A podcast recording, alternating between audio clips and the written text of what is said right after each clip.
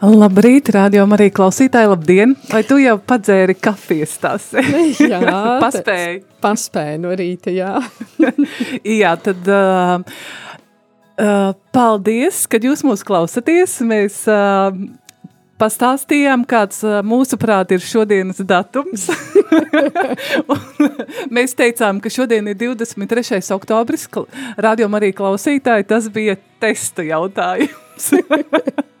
Un mēs saņēmām atbildi, labrīt, šorīt jau ir 24. oktobris. Paldies tad jums, jā, un šajā rīta cēlienā es neesmu viena, šeit studijā esmu es Aija Avotiņa, un blakus man ir viešņa, kurai es gribu teikt lielu paldies, kad viņa atrada savās savā, savos bezgalīgajos pienākumos atbraukt līdz Rīgai. Un šīs dienas viešņa ir Lilija Geža. Bet uh, man, jā, es tev došu iespēju pateikt labrīt. labrīt, mīļie radio Marija klausītāji.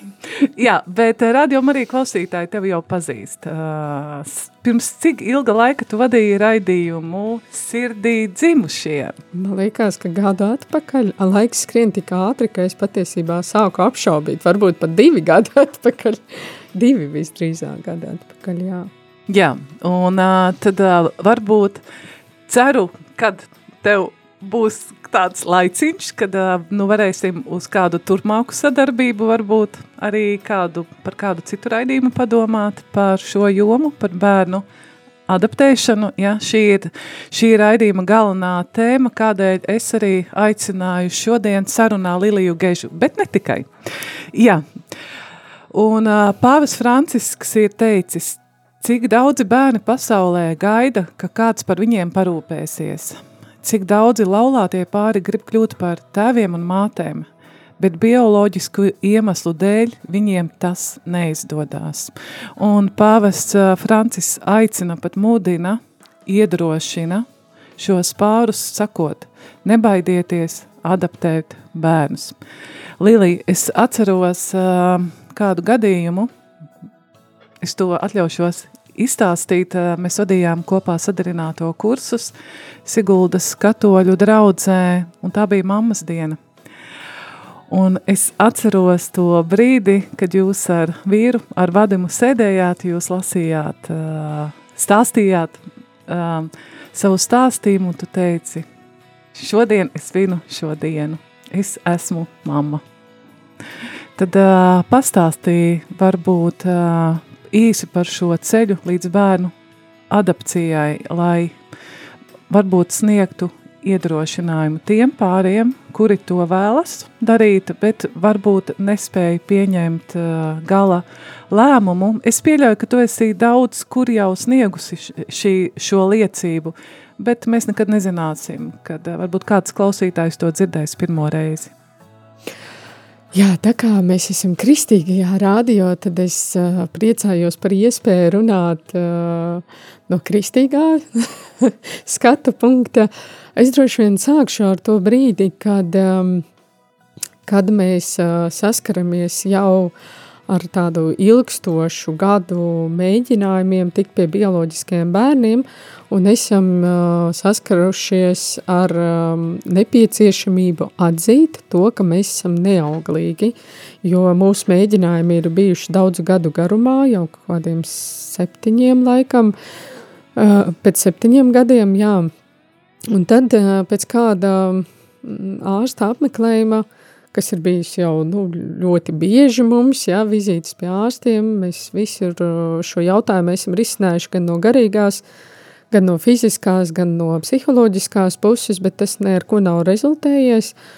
Tad eh, es atceros precīzi kādu dienu, kad mēs um, esam dzīvojuši Vācijā, vīrs tur rakstīja doktora disertāciju, un uh, mēs esam kalpojuši baznīcā. Tātad tā ir sanācis, ka mums tika uzticēta viena draudze, un um, tajā dienā es uh, gatavoju baznīcu um, svētajai misei, Un uh, es saņēmu zvanu no ārsta, kad, uh, kad tas, ko viņš man ir teicis, man atkal lika saprast to, ka nekā, nekāda rezultāta nav un visdrīzāk nebūs.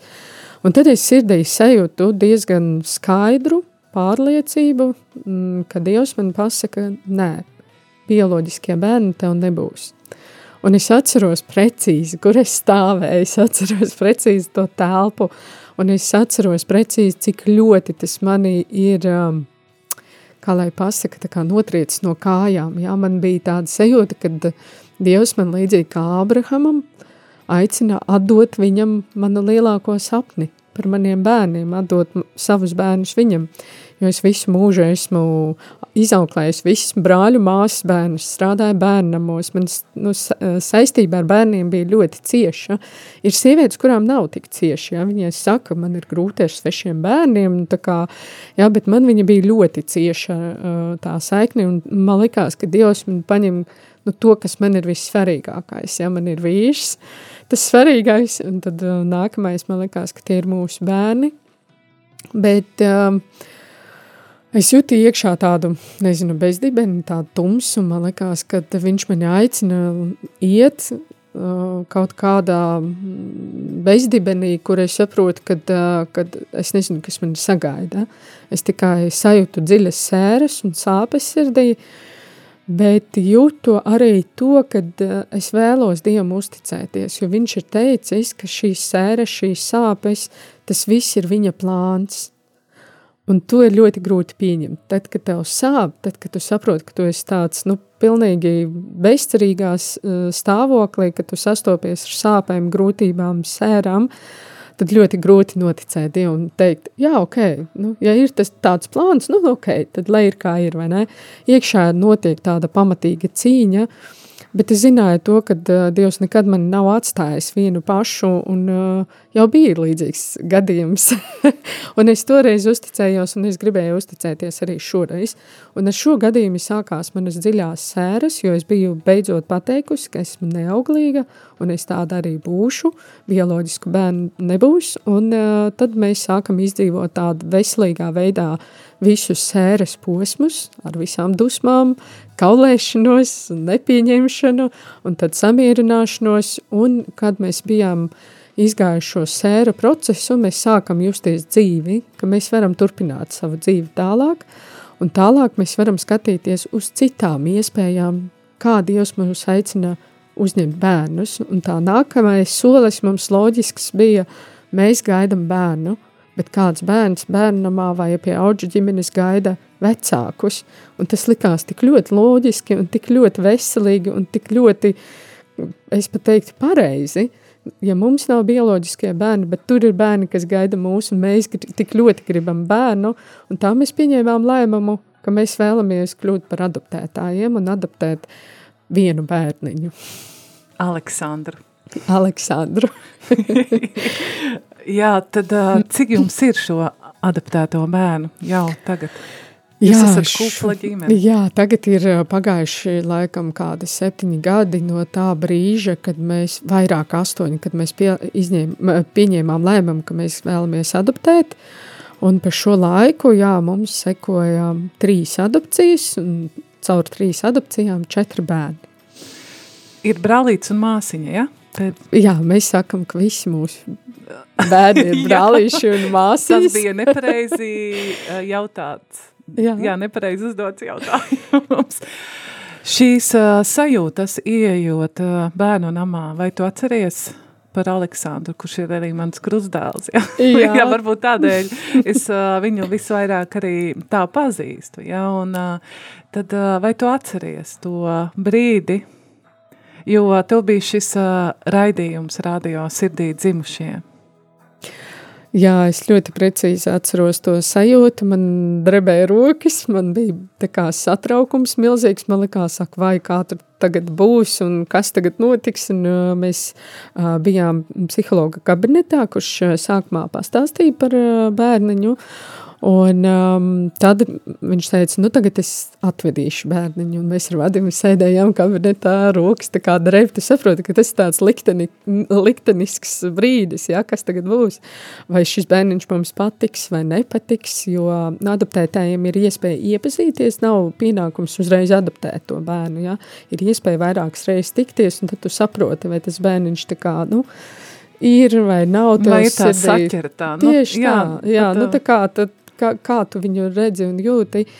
Un tad es atceros, ka ieveda tādu mazu, mazu puisīti, kas uh, vispār nav, nu viņš ne, nerunāja. Uh, šajā vecumā, un mēs skatījāmies viņu. Bija? Viņam bija divi ar pus gadiņi, un viņš uzreiz skrēja pie mantiņām, sāka spēlēties, viņš mums vispār nepievērst nekādu uzmanību, tad mēs turpinājām ar psihologu runāt un pievērsām viņam uzmanību, sākam spēlēt ar, ar mantiņām, un es atceros arī precīzi šo sajūtu, ka man nebija tādas romantiskas sajūtas, kaut kādas baigā mīlestība vai kaut kas tāds, nu, uh, Es eh, redzēju vienkārši bērnu, es redzēju bērni, un uh, iekšā man bija tādas satraukums un tādas nesaprotamas jūtas, bet tad, kad mēs uh, braucām ar Vadimu jau pēc tikšanās uz mājām, bija tāds klusums, iestājās, un es tā pagriežos, saku, nu Vadim, nu kā ir? Nu kā ir? Viņš saka, man liekas, tas ir mūsu puika ka tas ir mūsu dēls. Un es saku, man ir tieši tāda pati sajūta. Nebija romantisku tādu jūtu, bet bija stingra pārliecība, ka tas ir mūsu dēls. Jā, un tad, kad uh, mēs vairākas reizes braucām pie viņa bērnamā, uh, tā sajūta viņa tikai nostiprinājās. Un šis vārds, Aleksandrs, man liekas, nē, Aleks, nē, neatstāsim tādu vārdu. Nē, mums ir tik daudz radīju, Aleksandra, ka nē, nē, nē, nē, mēs nomainīsim to vārdu.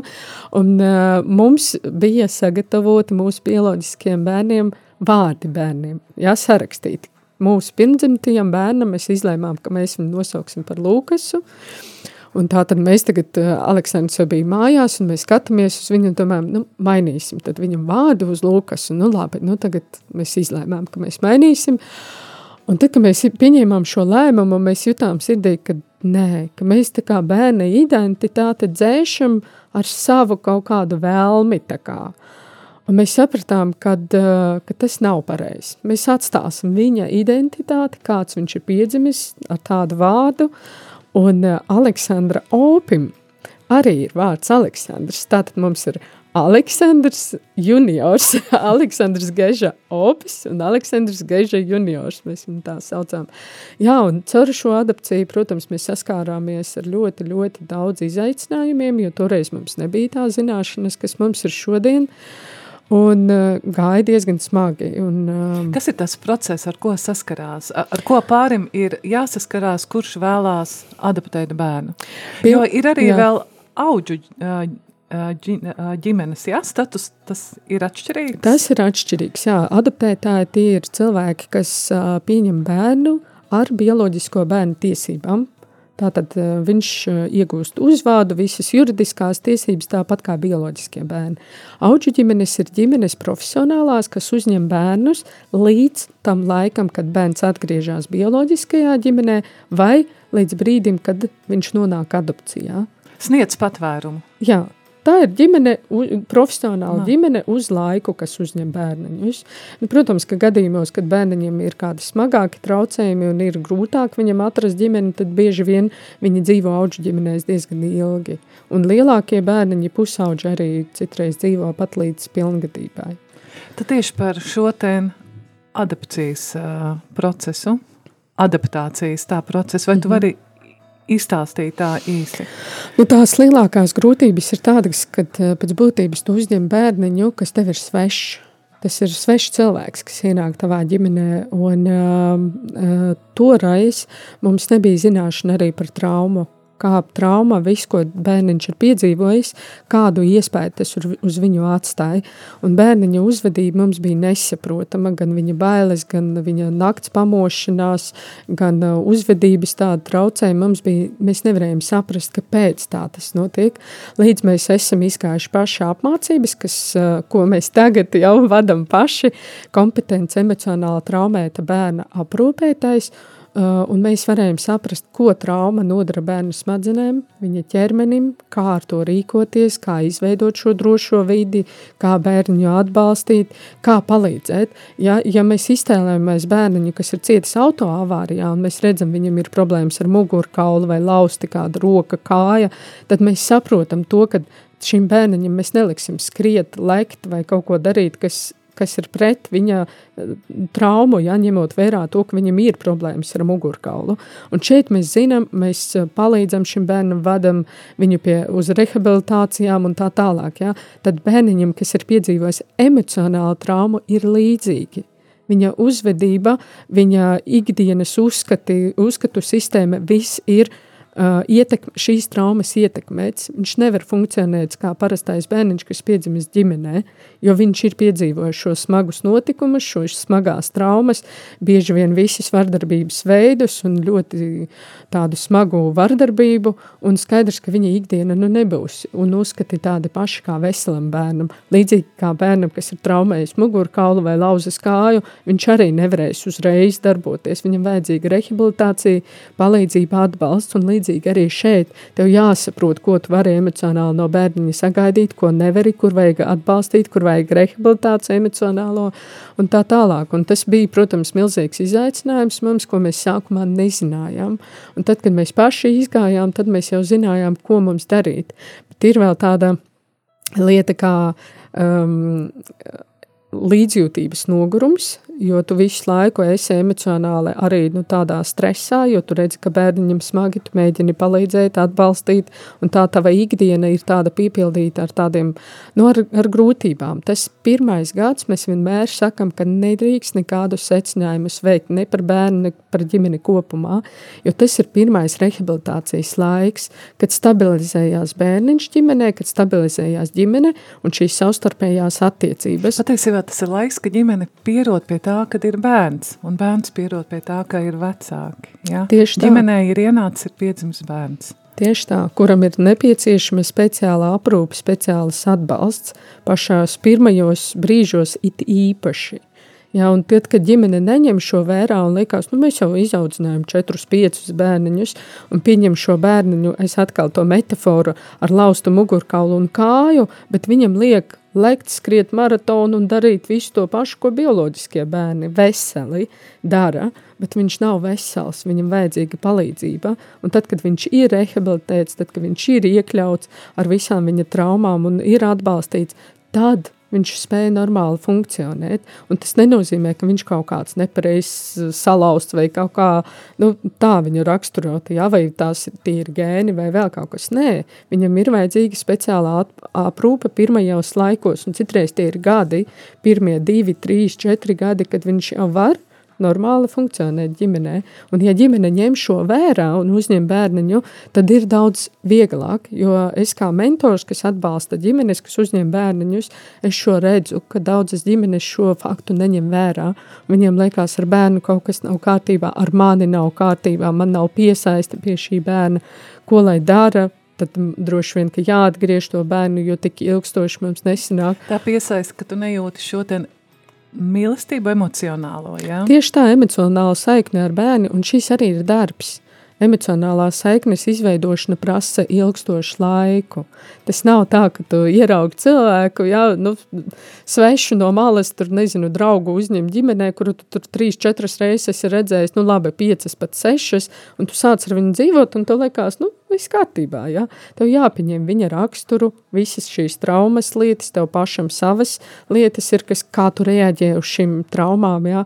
Un tā ikdiena ir stresspilna sākumā, un, protams, ka tas emocionālais konteksts, viņš veidojas diezgan lēni, un tas ir normāli. Tas ir tas, ko es visām mamām saku, tas ir normāli pirmajā laikā, tas ir jāņem vērā, un nedrīkst būt prasīgam ne pret sevi, ne to bērniņu, vienkārši dot tādu laiku, kamēr tas viss tā stabilizējās un kļūst tādā, nu, mm, mīlestības piesaistes tādu stipru, stipru attiecību tādā, nu, pamatā.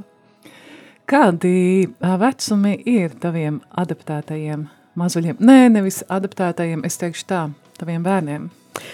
Jā, es vienmēr saku ar sirdi dzemdēju tiem bērniem, jo es tiešām Jā. tā arī jūtu, ka es viņus esmu iznēsājusi savā sirdī un ilgāk par deviņiem mēnešiem. un tad viņi man tiešām ir sajūta, ka piedzimuši ar to brīdi, kad viņi pārkāpā mājas slieksni. Es uzskatu, ka tajā brīdī viņi ir mums dzimuši. Mūsu bērniņiem ir deviņi, tūlīt meitiņai paliks deviņi uh, gadiņi, septiņi un pieci. Jā, tāds ļoti nu, tuvu. Var teikt, trīnīši un mazais. ir tāds ļoti patiesībā darbīgs nu, vecums. Visi ir savu, nu, trīs sanāk ir sākuma skolas bērni, ja? viens ir bendārsnieks. Mm -hmm. Pašiem tev nav jauna jāmācās latviešu valoda, matemātika, angļu valoda. Viss tas, ko, nu jā, ar savu bērnu sāc no jauna. Visu atkal. Kas ir ā, tas, vai kur, pareizāk teikt tā, kur jūs ar ā, vīru, ar vadimu, kur jūs spēku ņemat?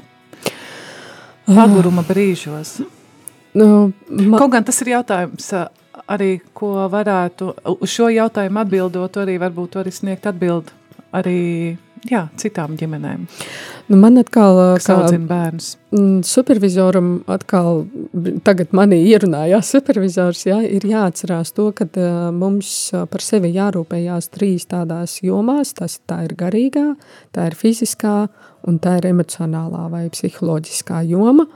Un uh, šīm visām jomām ir jābūt uh, ļoti lielā, stabilā līdzsvarā. Un tātad mums no garīgās puses tās ir, protams, mūsu garīgās dzīves piekopšana, tās ir obligāti mm, svētās mises katru svētdienu, pēc iespējas arī, ja ir iespēja, tad adorācijas, svēto rakstu apceri man ir no rīta, rīta lūkšanas, vakara lūkšanas, un es ļoti stipri izjūtu, ja es kaut ko no šī izlaižu, es ļoti stipri jūtu, cik ļoti man mazāk spēka emocionāli paliek, tas ir mūsu no garīgās puses, um, kas mūs stiprina, tātad personīgās attiecības ar Dievu, kas ir ciešas, mēs viņa vārdu uztveram, ko viņš mums saka, jā, caur svētiem rakstiem, caur lūkšanām, tas ir mūsu dialogs ar Dievu. Uh, No emocionālās puses uh, es uh, eju terapijā, jo uzņemot bērniņus saskaros ar savām, mm, teiksim tā, liet, jautājumiem, kas, uh, kas uzjundīja manas traumas un kas man ir bijis ļoti smagi, jo es saskaros ar izdegšanu, tas ir tas, kas man palīdz ļoti stipri. Mana terapeita arī ir kristiete, un tas arī man stiprina. Un, protams, kad no fiziskās tas ir aktivitātes, kurām ir jābūt, jo mūsu ķermenis, kā mēs atceramies, ir Dieva templis. Nevis Dieva šķūnis, bet Dieva templis. Un tātad mums par mūsu ķermeni jā, jārūpējās atbilstoši, gan uzturā, gan sports. Jā, tas ir tas, ko mums Dievs ir dāvājis mūsu ķermeni, un mēs kristieši ļoti bieži par to aizmirstam. Man liek, mums liekas, ka gars ir tas, kas ir tas galvenais, jā, bet Dievs ir teicis templis, jā, gara templis, un šo nedrīkst aizmirst. Šīs trīs aspektus ir jātur uh, vienmēr līdzsvarā, es atkārtošos, un tas ir tas, ko mēs arī daram. Plus mēs ejam randiņos ar vīru, kas ir ārkārtīgi svarīgi. Atcerēties, ka mēs esam ne tikai tētis un mamma, bet mēs esam arī vīrs un sieva. Un uh, randiņi un uh, laiks divatā arī uz trīs, četrām stundām mēs algojam aukli, un tad mēs ejam divatā pārunāt visus šos jautājumus, gan kas ar bērniem saistīti, bet citreiz mēs tiešām tieši sakam, nepieskaramies šiem jautājumiem, kas ar bērniem. Un tas ir tas, ko es iesaku arī manām ģimenēm, gan atbalsta grupas vadot, gan mentorojot ģimenes, tas ir ārkārtīgi svarīgi, un es ļoti labi redzu rezultātus tām manām ģimenēm, kas ieklausās un tiešām pavada šo laiku divatā, kas meklē šī, šī, šīs iespējas sevi rehabilitēt, sevi papildināt, sevi piepildīt, es redzu, ka viņām tiešām iet vieglāk. Bet ģimenes, es atkārtošu es jau nesen intervijā teicu, es to saucu par vitamīnu principu. Ja mums ir slikti, nu mēs neņemam vitamīnu bur, burciņu un mēs neizdaram viņu reizē, vai ne? Un tas, tas pats, nu neder, kad es aizbraucu reizi gadā uz atvaļinājumu un uzskatu, ka man viss būs kārtībā. Mēs vitamīnus dzeram katru dienu pa mazam vitamīnam, un tas strādā. Un tas pats ar šiem trīs aspektiem, ko es minēju, pašaprūpes, tad, kad mēs to daram katru dienu, regulāri, ja, un ilgstošu laiku, tad mēs redzēsim šos rezultātus, jo uzņemot eh, ģimenē traumētus bērniņus, mums jāatcerās, ka tas ļoti spēcīgi ietekmē mūs pašus, un mums tātad to pamatu vajag stiprināt, un to es iesaku arī savām ģimenēm. Lilija, iesim nelielā muzikālā pauzē, bet pēc muzikālās pauzes mēs parunāsim par vēl vienu tavu projektu, ko es arī gribētu teikt sirdī dzimušais. Je ne serai plus jamais le même car je sais que Jésus m'aime. Rien ne sera plus jamais pareil. Son amour fait des merveilles. Je crierai,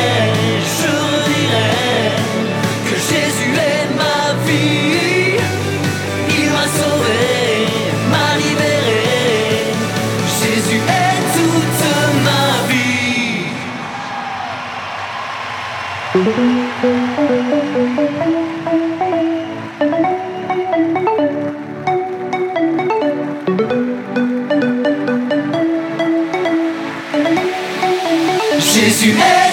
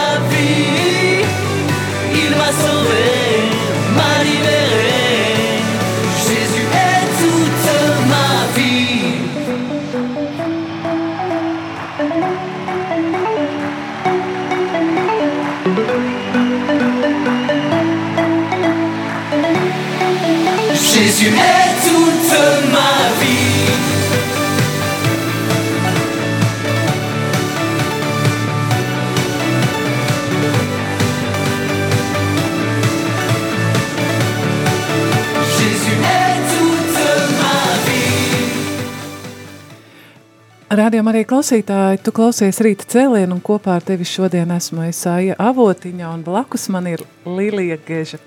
Un mēs šodien runājam par bērnu adaptāciju. Pareizi pateicu. Pēkšņi. Adopcija. Adopcija. Es, pe- man šķita, ka Adopcija un bērnu adaptācija Adaptācija, ģimenē. kaut- jā. Pareizi. Un uh, pēc neilga brītiņa mēs vēl parunāsim vēl par citu tēmu, bet uh, baznīca, katoļu baznīca novembra pirmā svētdiena ir bāre, uh, tiek atzīmēta kā bāreņu svētdiena. Vai ir kādi pasākumi, kas ir paredzēts piedomājot pie šīs lietas? Jā, es, iedrošināt cilvēkus. es eh, gribētu papildināt, ka ne tikai katoļu baznīca. Jā, paldies par šo papildinājumu. Jā, daudzas. Paldies, Jā, paldies. un um, mēs no um, Bāriņu alianses um, um, tā es atvainojos, tagad es uzmetu aci. Tā tad eh, šobrīd ir, es gribētu pareklamēt eh, vērtīgas eh, lietas, kas šobrīd notiek eh, šajā jomā sakarā ar bāriņu sveidienu. Uh, Tātad pirmkārt es gribu uh, Lindas Oltes filmu Māsas pareklamēt, kas ir ļoti kvalitatīva filma. Pagājušajā nedēļā bija pirmā izrāde, kur uh, jūs varat uh, kā tuvāk iepazīties ar adopcijas jautājumu. Tiešām no sirds iesaku, viņi iet kinoteātros. Un uh, mēs um, Alianses bērniem kopā ar atbalstu centru tilts arī 27. Jā, oktobrī, m, tā drīzāk būs tāda mm, grāmatas prezentācija kopā ar filmas skatīšanos, eh, kas ir domāta speciālistiem.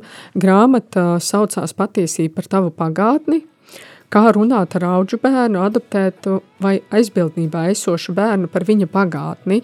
Šo grāmatu es arī vēlos pareklamēt, un jūs noteikti varētu to iegādāties, lai saprastu par to uh, jautājumu, kā tad runāt ar bērnu par viņa stāstu, par viņa adopciju, par viņa ceļu līdz adopcijai, kas tad ar viņu ir noticis. Tā kā šīs ir tādas divas, uh, divi jautājumi, ko noteikti ir vērts jums uh, noskatīties filmu un izlasīt šo grāmatu. Bet uh, visā Latvijā um, ir tāda starpkonfesionālā bāriņu sveidiena, kas notiek visās draudzēs, un šeit es gribu aicināt jūs arī savā draudzē šo jautājumu aktualizēt, uh, lai jūsu draudzēs priesteri arī paceļ šo bāriņu uh, jautājumus, aiciniet uh, ciemos, uh, jūs varat droši ieskatīties atbalsta centra tilts uh, darbinieku sarakstā, kas ir uh, atvērti uz uh, dalīšanos uh, Kristīgā alianses bāriņiem, arī cilvēki ir gatavi dalīties ar savām pieredzēm, un uh, mēs jau to darām, es šodien jā, pie, pie Aiņas un uh, visur citur publiski par šo runājam, un šo jautājumu tiešām nu, pievērst viņam īpašu uzmanību, tāpēc, kad vēl joprojām Latvijā ir daudz bērni, kas meklē ģimenes, un varbūt tieši jūs varat būt tas cilvēks, kas varētu kādam bērnam sniegt ģimeni. Lilija, Tad vēl kāds projekts. Man šķiet, ka šo ideju tu saņēmi lūkšanā. Ja es atceros tavu liecību, tavu stāstījumu, sirdī dzimušie. Un šeit tiek runāts par kādu skaistu lietu, kas tiek, tas ēterā jau mums ir nedaudz šeit radio izskanējis, bet tu esi tieši autors šai idejai par priesteriem, rūpēties par, par semināristiem, par Rīgas garīgā semināra audzēkņiem, un uh, tas tiešām ir projekts, kas arī dzims tavā sirdī. Ir. Vai tu vari pastāstīt gan par draudzes iesaistīšanos, gan arī kā tev, tas, kā tev šī doma atnāca? Jā, kā jau es minēju, man ir, mans stiprinājums ir lūkšanas, un man ir lūkšanu saraksts. Man ir liels lūkšanas saraksts. Tas ir man nācis laikam no, no manas dzimtas. no? Jā, nu tā, es paskaitīju tiešām sanāk kaut kādas 40 minūtes, kamēr šo visu lūkšanas sarakstu. Nu jā, nu vārdu sakot, um, uh, jau kādu laiciņu es lūdzos uh, par uh, priesteriem, uh, sākās ar patiesībā ar uh, mūsu uh, veco uh, priesteri Ronaldu Melkeru, Un uh, es uh, viņam biju pateikusi, kad sajūtu sirdī, kad uh, man par viņu jālūdzās un jālūdzās līdz mūža beigām. Un kaut kā šis pamudinājums, viņš tā aizgāja, kad bija priesteri, kurus vienkārši es jūtu sirdī, ka Dievs aicina uz šo. Un uh, tad es viņiem vienkārši dāvināju tādu mm, uzrakstiņu, uh, kad tā ir mana dāvana, iesaiņoja, kad, kad reku tā ir mana dāvana, mana lūkšana par tevi līdz mūža beigām. Un tātad man bija jau tāds sarakstiņš ar priestriem, par kuriem es lūdzos, un tād kaut kādā brīdī, šajā lūkšanas brīdī, es sajūtu, ka Dievs mani aicina parūpēties par semināristiem. Viņš saka, parūpējies par semināristiem. Man liekas, ak, vai kas es esmu, uh, lai rūpētos par semināristiem un kā lai es to izdaru un kas tas vispār tāds ir tagad man. Es taču, es domāju, ka noteikti ir cilvēki, kas to var izdarīt daudz kvalitatīvāk par mani un man ir mazi bērni un es noteikti, es nezinu, ko man darīt un tā, bet es jūtu, ka Dievs man vienkārši klusu lūdzu to darīt. Katru reizi, kad es lūdzos par priesteriem, viņš lūdz man parūpēties par semināristiem.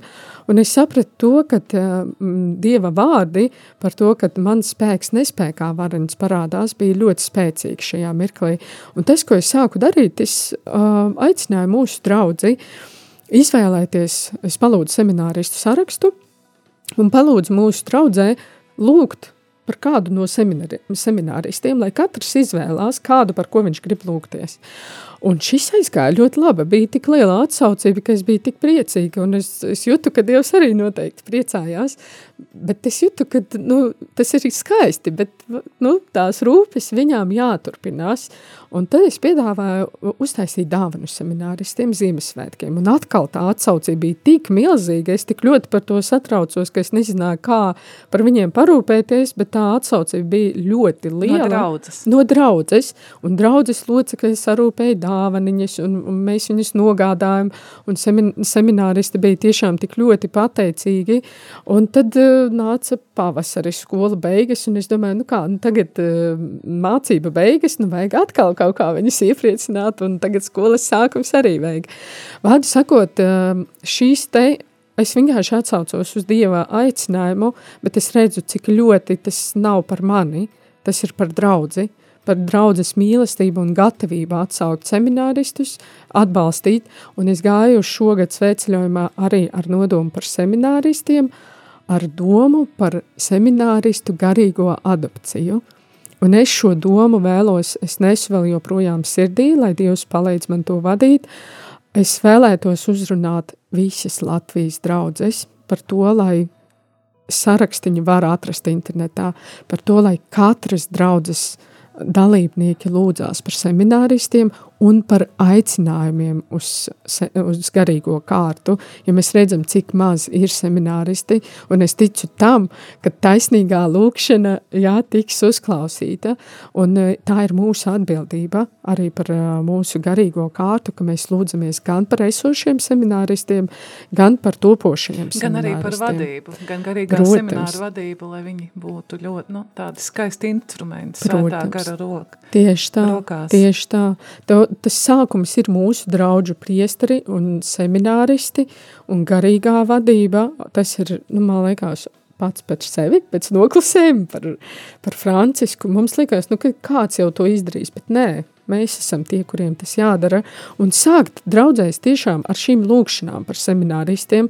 Ja jūs jutīsies vajadzību vai pamudinājumu arī kaut kādu, nezinu, materiāli atbalstīt vai, vai dāvanas sarīkot, jūs varat droši sazināties ar mūsu Siguldas draudzi un mēs pastāstīsim, kā mēs to daram – kā mēs to līdz šim esam darījuši. Ar ko konkrēti sazināties? Droši vien, kad visdrīzāk jau ar tevi. var ar mani, droši var ar mani, jā, droši var uh, sazināties ar mani. Varat atrast mani Facebookā vai Instagramā vai vienkārši uzrakstīt mūsu prāvistam vai piezvanīt mani un uh, izteikt savu vēlēšanos uh, šajā sakarā, bet es tiešām, tiešām no sirds vēlos aicināt un atgādināt, ka tad, kad Dievs pamudināja mani man likās, es neko nevaru. Es nezinu, kā viņus atbalstīt, kā parūpēties, bet šobrīd ir tik skaisti augļi, ko draudze dara, ne jau es, ka cilvēki tik ļoti atsaucīgi ir, un es tik ārkārtīgi par to priecājos, un man ļoti aizkustināja tieši semināristu pateicība, ka kāds izrāda interesi par viņiem. Tas bija tik ļoti aizkustinoši, ka kādam rūp vispār viņa dzīve un kas notiek. Mēs visi... vispār kad priesteri ir nepieciešami. Ja? Tieši Mēs tā. nu, runājām rīt cēlienā par evanģelizāciju, ja? par to, ka baznīca rindas paliek tukšākas. Ja? Un, tas, ko tu ar šo darbu, šo, nu, tas ir kalpojums, ja? šo kalpojumu, ko tu dari, tu iedrošini. Kādam jauneklim doties uz semināru un pateikt, tu pasaki ar to, jūs esat mums vajadzīgi. Tieši Bez tā. jums mums nebūs sakramentu. Tieši tā. Man liekas, ka ā, šī sarunas tāds galvenais atslēgas vārds bija sirds Tieši tā. un mīlestība. Un šie vārdi sirdī dzimušie, man šķiet, tas attiecās nevien uz vecākiem, kas adaptē mazuļus vai arī pieņem pusauģus jau, jā, bet arī uz tiem vecākiem, kuri gaida savu mazulīti, jā, kuri ir fiziski vecāki, ja, bioloģiskie vecāki, jo arī viņiem šis mazulis ir jāpiedzemdē sirdī, ir jāpieņem. Un es gribētu papildināt, Eja, ka eh, tiešām ne visi ir aicināti uz adopciju, tā tas ir, bet katrs ir aicināts atbalstīt bērnus.